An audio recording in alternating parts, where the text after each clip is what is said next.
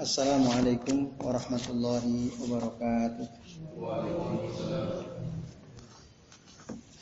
Alhamdulillah, alhamdulillahilladzi hadana li hadza wa ma kunna wa ma kunna linahtadiya laula an hadanallah. Asyhadu an la ilaha illallah wahdahu la syarika lahu asyhadu anna Muhammadan abduhu wa rasuluh. Allahumma salli wa sallim wa barik ala Muhammad wa ala ali Muhammad wa ala ali Ibrahim fil alamin innaka Hamidum Majid. Rabbi israh li sadri wa yassir li amri wa hlul 'uqdatam min lisani yafqahu qawli. Amma ba'du. Ikhwas sekalian, Allah wa. Semoga kita semua yang hadir di majelis ini senantiasa dimuliakan oleh Allah Subhanahu wa taala. Alhamdulillah pada malam hari ini meskipun hujan terus tadi ya dan ya termasuk ada pengaruhnya buat teman-teman ya terasa yang yang enak begini ini tidur ya yang paling enak ya. Nah, tapi alhamdulillah kita masih diizinkan oleh Allah Subhanahu wa taala untuk bisa hadir ke majelis ini dalam rangka untuk talabul ilmi ya mencari ilmu dan mempelajari kitab Fadlul Islam. Kitab Fadlul Islam. Nah, baik, insya Allah pada malam ini kita memasuki bab baru ya, betul ya? Bab kalau di kitab antum berarti halaman 25 ya. Bab tentang keluar dari seruan dakwah Islam. Maja'a fil khuruj an dakwal Islam. Nah, sekalian, azan Allah wa iyyakum. Mari kita perhatikan apa yang dimaksud bab ini. Bab keluar dari seruan Islam. Maksudnya keluar dari sesuatu yang bukan seruan dari Islam. Ada beberapa dalil disebutkan oleh al-muallif ya, penyusun kitab ini untuk menjelaskan bab ini. Yang pertama ikhwas sekalian uh, di dalam kitab Ilamul Anam dikatakan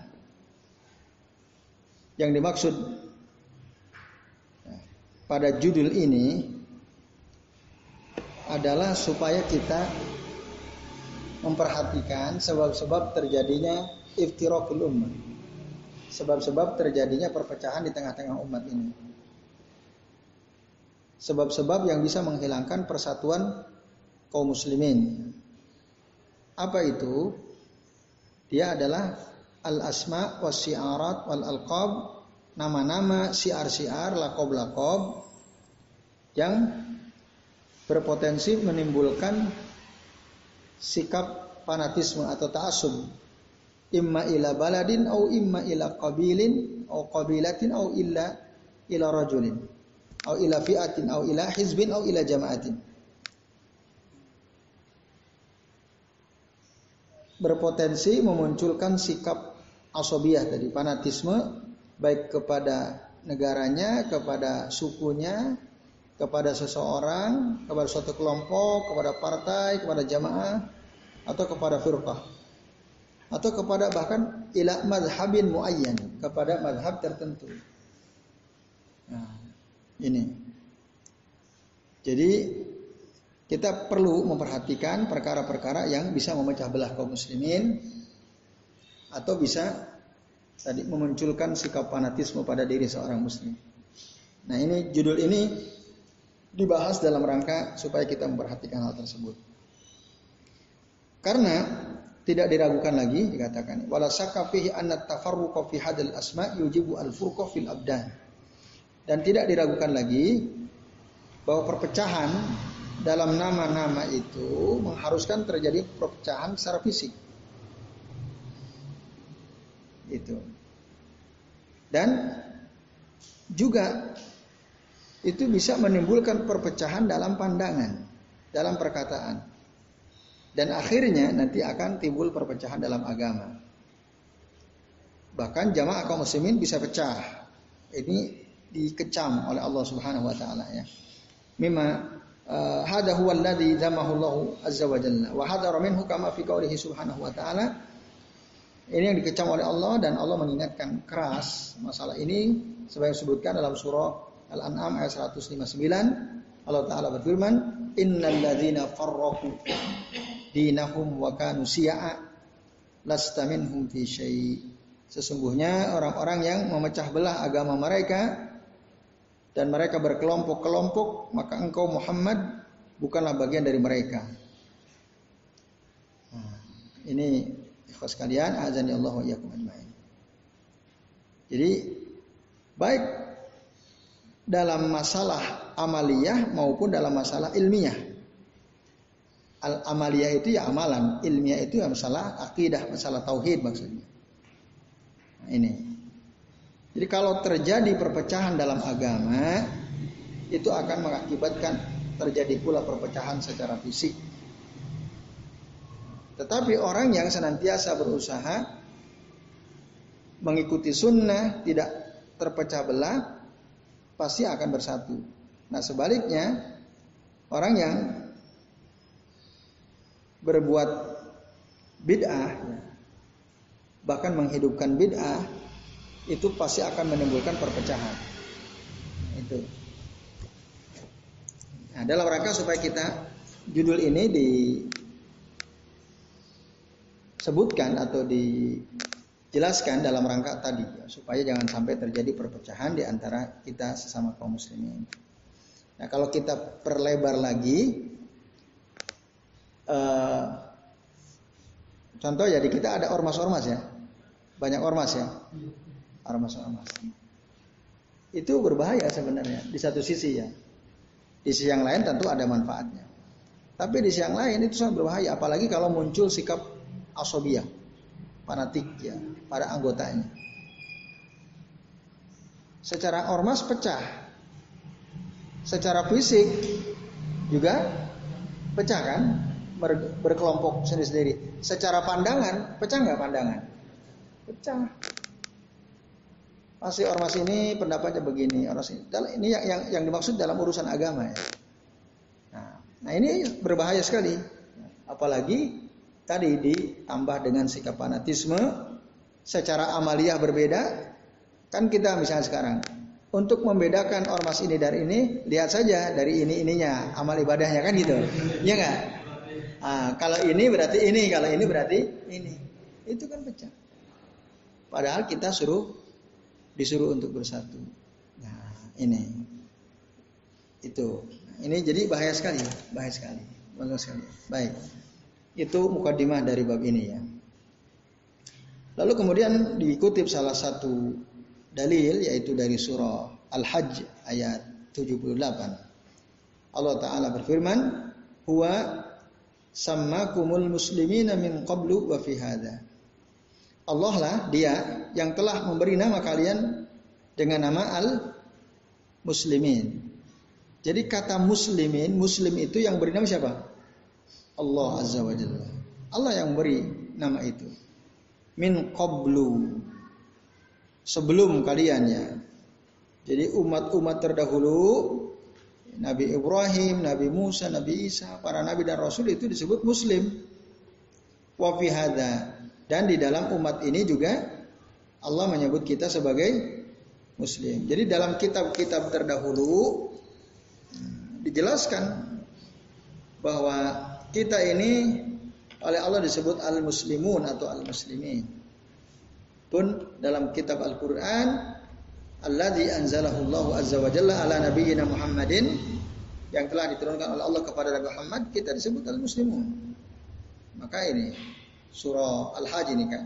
Wa sammakumul muslimin. Artinya udah kita ini namanya Islam saja. Islam. Gak usah dikasih nama macam-macam.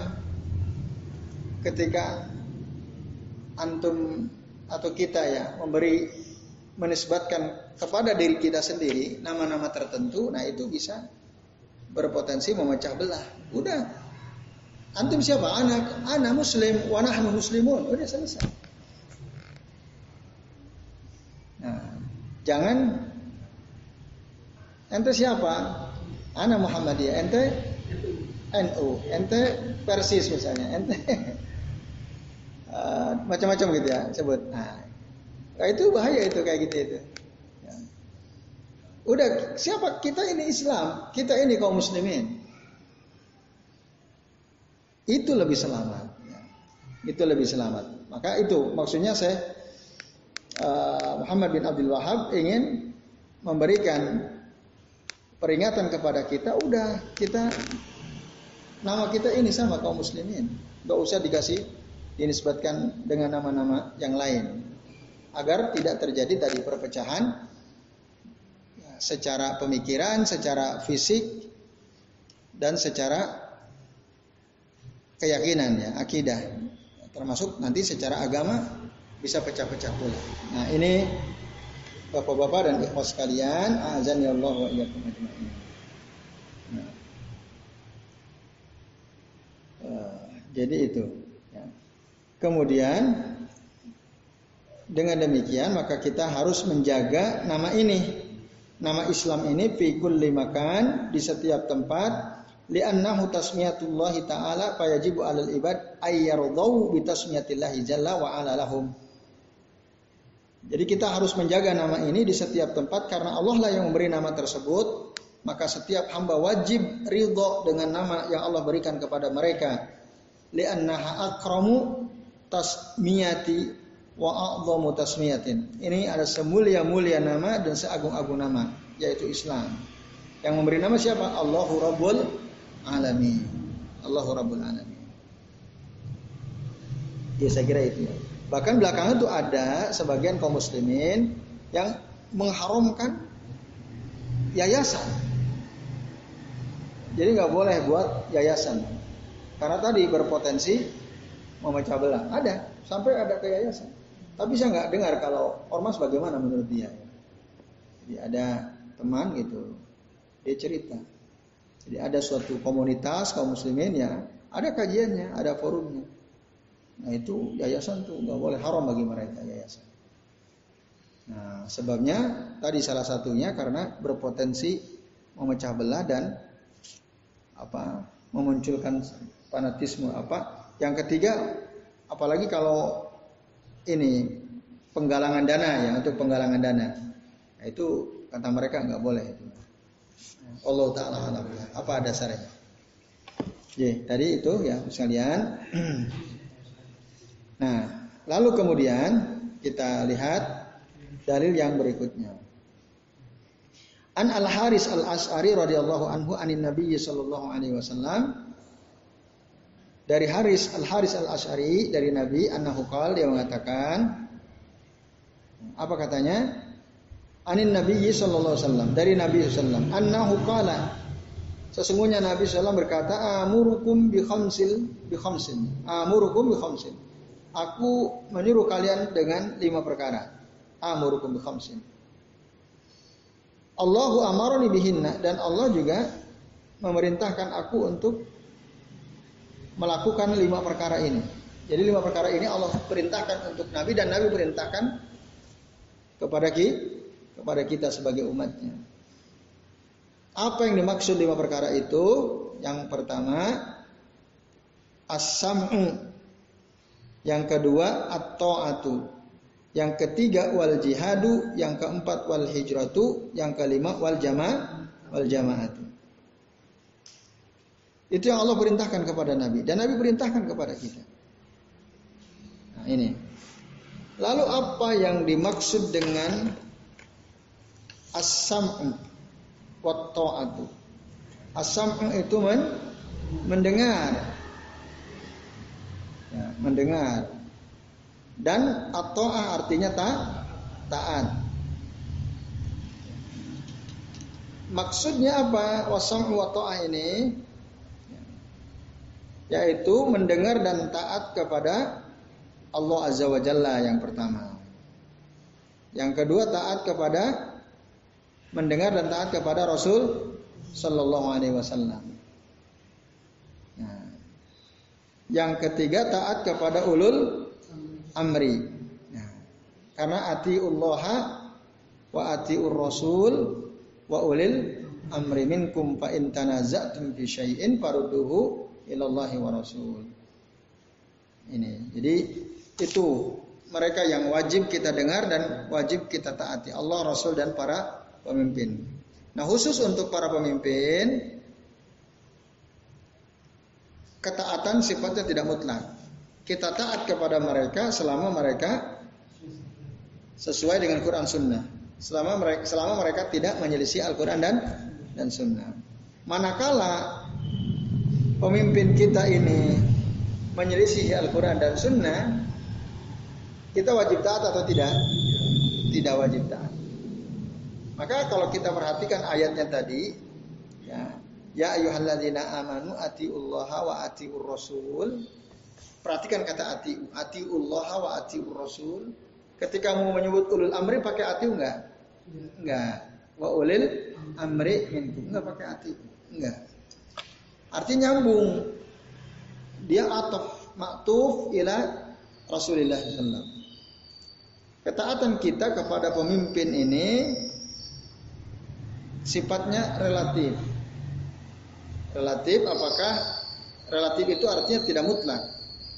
Apakah si pemimpin ini taat pada Allah Rasul atau tidak? Kalau iya kita ikut, kita dengarkan, kita taati. Tapi kalau tidak, kita tidak dengarkan dan tidak kita taati. Itu ikhlas sekalian, azan ya Allah wa Jadi pentingnya taat kepada Allah, Rasul dan para pemimpin. Mendengar taat sama apa beda? Mendengar dan taat.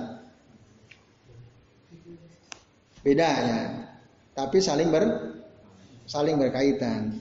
Barang siapa yang mendengar uh, itu jalan untuk taat. Sangat besar kemungkinan orang yang sudah mendengar dia akan taat. Dan orang yang taat pasti pernah mendengar ya, mendengarkan. Jadi kalau taat ya karena dia mendengarkan.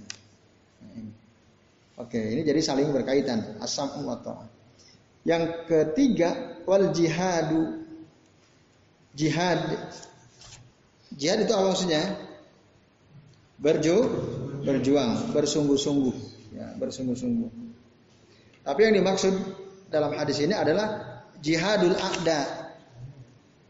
Bersungguh-sungguh menghadapi musuh, melawan musuh.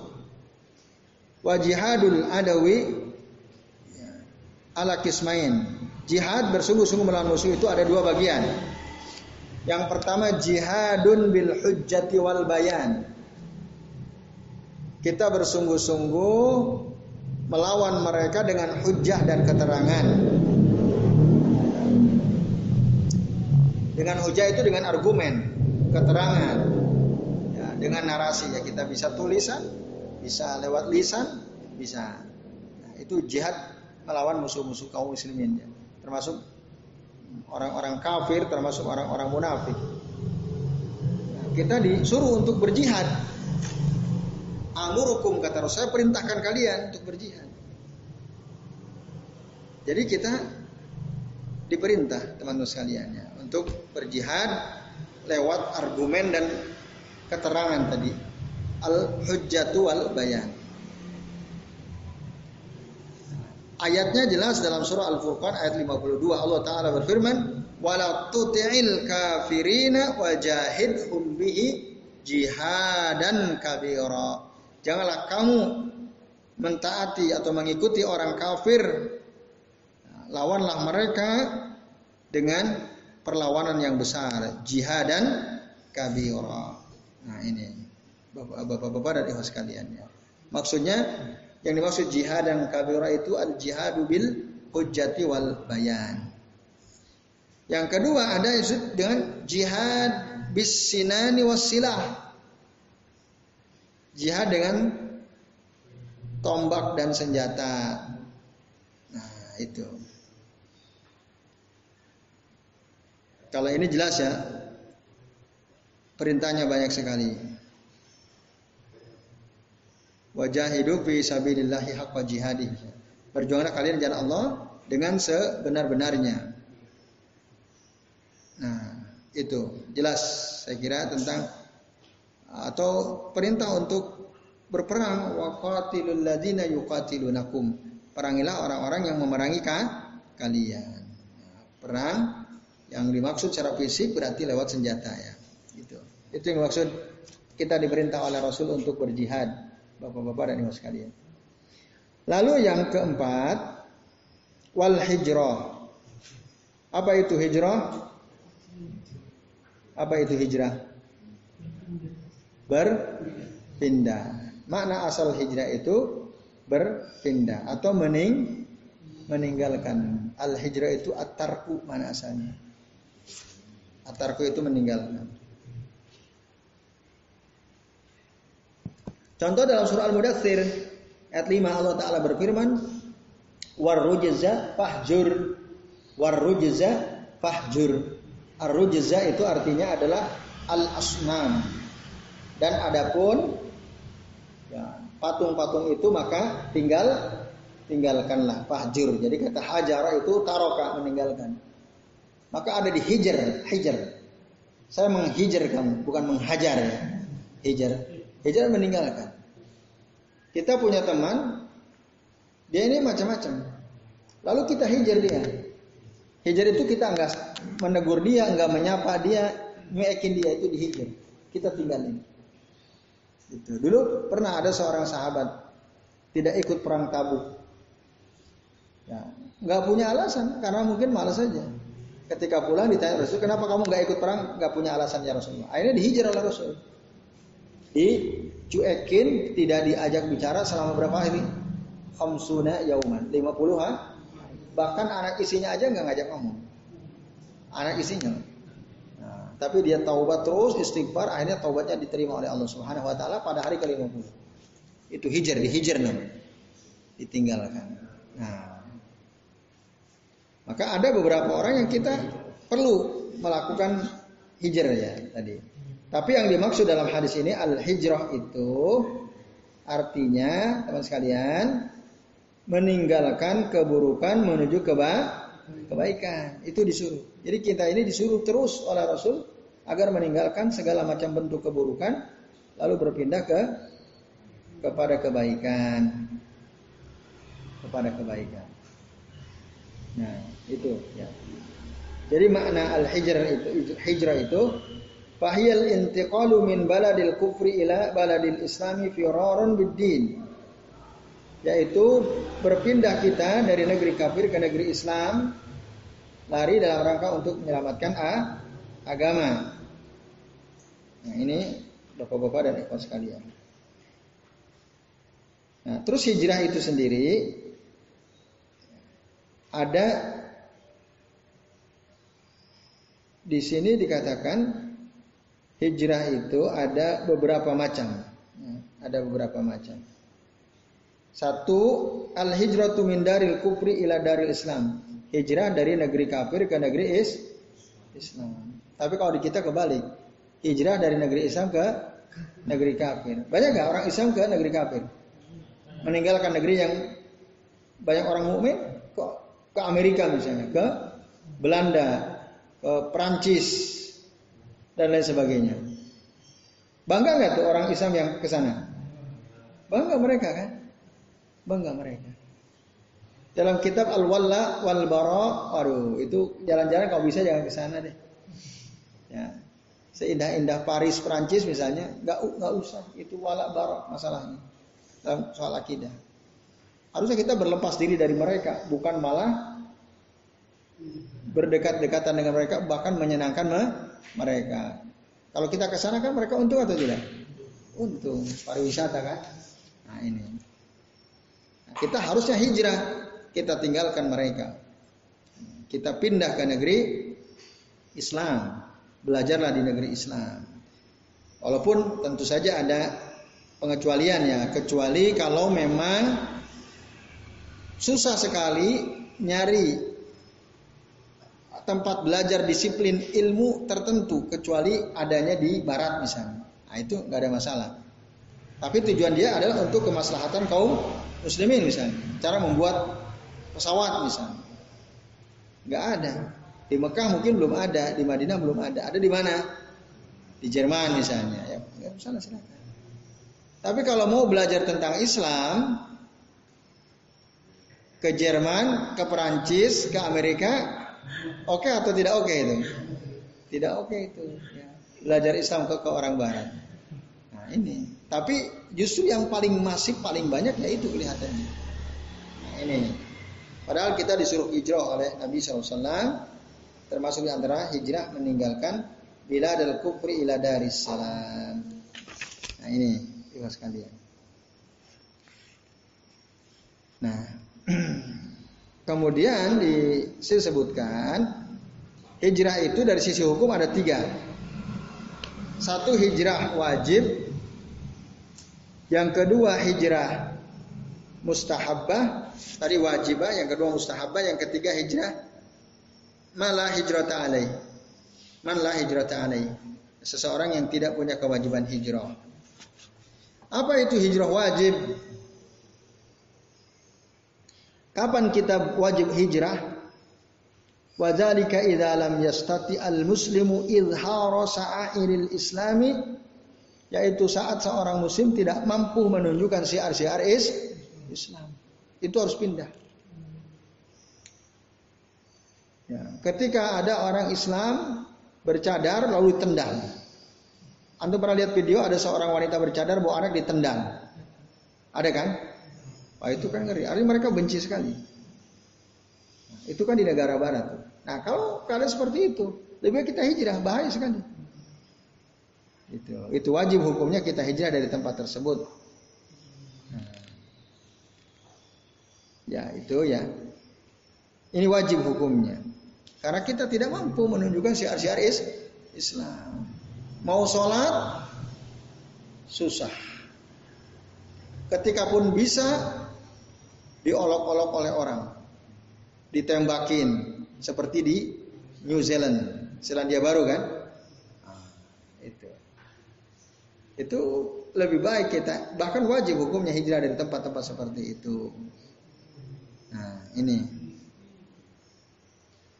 dalam Al-Quran surah An-Nisa ayat 97 Allah Ta'ala berfirman Innal ladhina tawaffahum al malaikatu zalimi anfusihim. Sesungguhnya orang-orang yang telah diwafatkan oleh para malaikat, mereka zalim terhadap diri mereka sendiri qalu fima kuntum. Mereka berkata fima kuntum.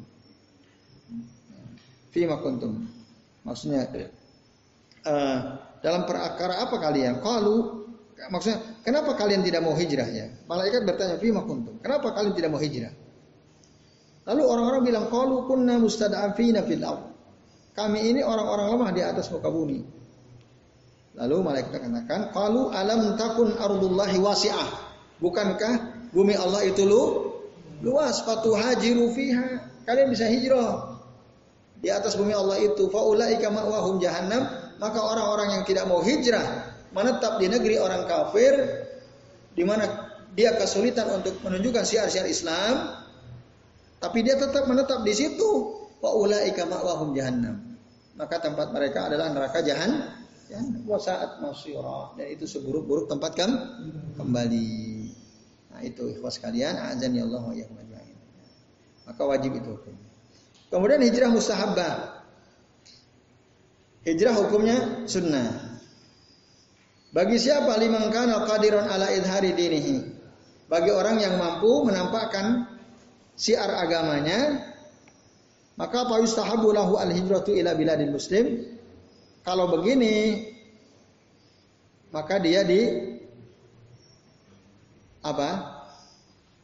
Dianjurkan untuk hijrah ke negeri kaum muslimin. Walaupun dia mampu menunjukkan siar-siar Islam, wanita bercadar tidak diganggu, laki-laki bergamis tidak diganggu, berjenggot, celana di atas mata kaki tidak diganggu, dibiarkan. Nah, kalau begitu keadaannya, dia tetap dianjurkan. Kalau tadi wajib, kalau ini dianjurkan untuk ber, berhijrah. Nah itu dianjurkan. Karena dia masih bisa menunjukkan siar-siar. Silahkan. Dengan harapan mudah-mudahan ketika dia nampakkan siar Islam, ada di antara penduduk negeri tersebut tertarik dan akhirnya masuk masuk Islam. Itu enggak kita nggak tahu. Yang penting belum uh, apa tadi uh, kita walaupun kita mampu tadi lebih baik kita hijrah. Baik. Dan terakhir teman sekalian, man la hijrata alaih. Orang yang tidak punya kewajiban hijrah. Siapa mereka? Al-ajizu anil hijrati. Orang yang lemah untuk bisa hijrah. Imma limaradin au ikrah au ikrahin alal iqamati falam yastati al khuruj. Disebabkan karena sakit misalnya. Orang sakit tidak wajib hijrah. Atau karena dia di apa? Misalnya orang yang tidak wajib hijrah. Ya tadi karena sakit di antaranya karena dihalang-halangi sehingga dia tidak bisa keluar atau karena kelemahan secara fisik seperti anak-anak dan kaum wanita. Fa innahum la hijrata alaihim, maka sungguh mereka ini tidak ada kewajiban hijrah bagi mereka. Nah, ini teman-teman dan ikhwas sekalian, azani Allah wa iyyakum ajmain. Oke, saya kira sementara sampai sini dulu ya. Sampai kata hijrah. Hijrah. Tas satu lagi insya Allah nanti karena ini lebih panjang kita akan bahas di pekan yang akan datang. Dan mohon maaf ini saya akhiri karena itu saya butuh istirahat untuk sapar besok pada subuh ya. Nah ini, jadi sampai sini biar juga yang lain nggak ketinggalan nanti. Nah gitu ya. Ya gitu ya. Jadi sampai hijrah tadi ya. Ya baik. Ya saya kira ini sekalian uh, untuk tanya jauh juga kita tunda di pekan yang akan datang gitu ya. Baik terima kasih atas perhatian antum semua. Uh, mari kita uh, nanti diakhiri oleh Mas Yoyo ya selaku pembicara. Saya mohon maaf apabila yang kami sampaikan ada kesalahan atau kekeliruan. Dan saya akhiri.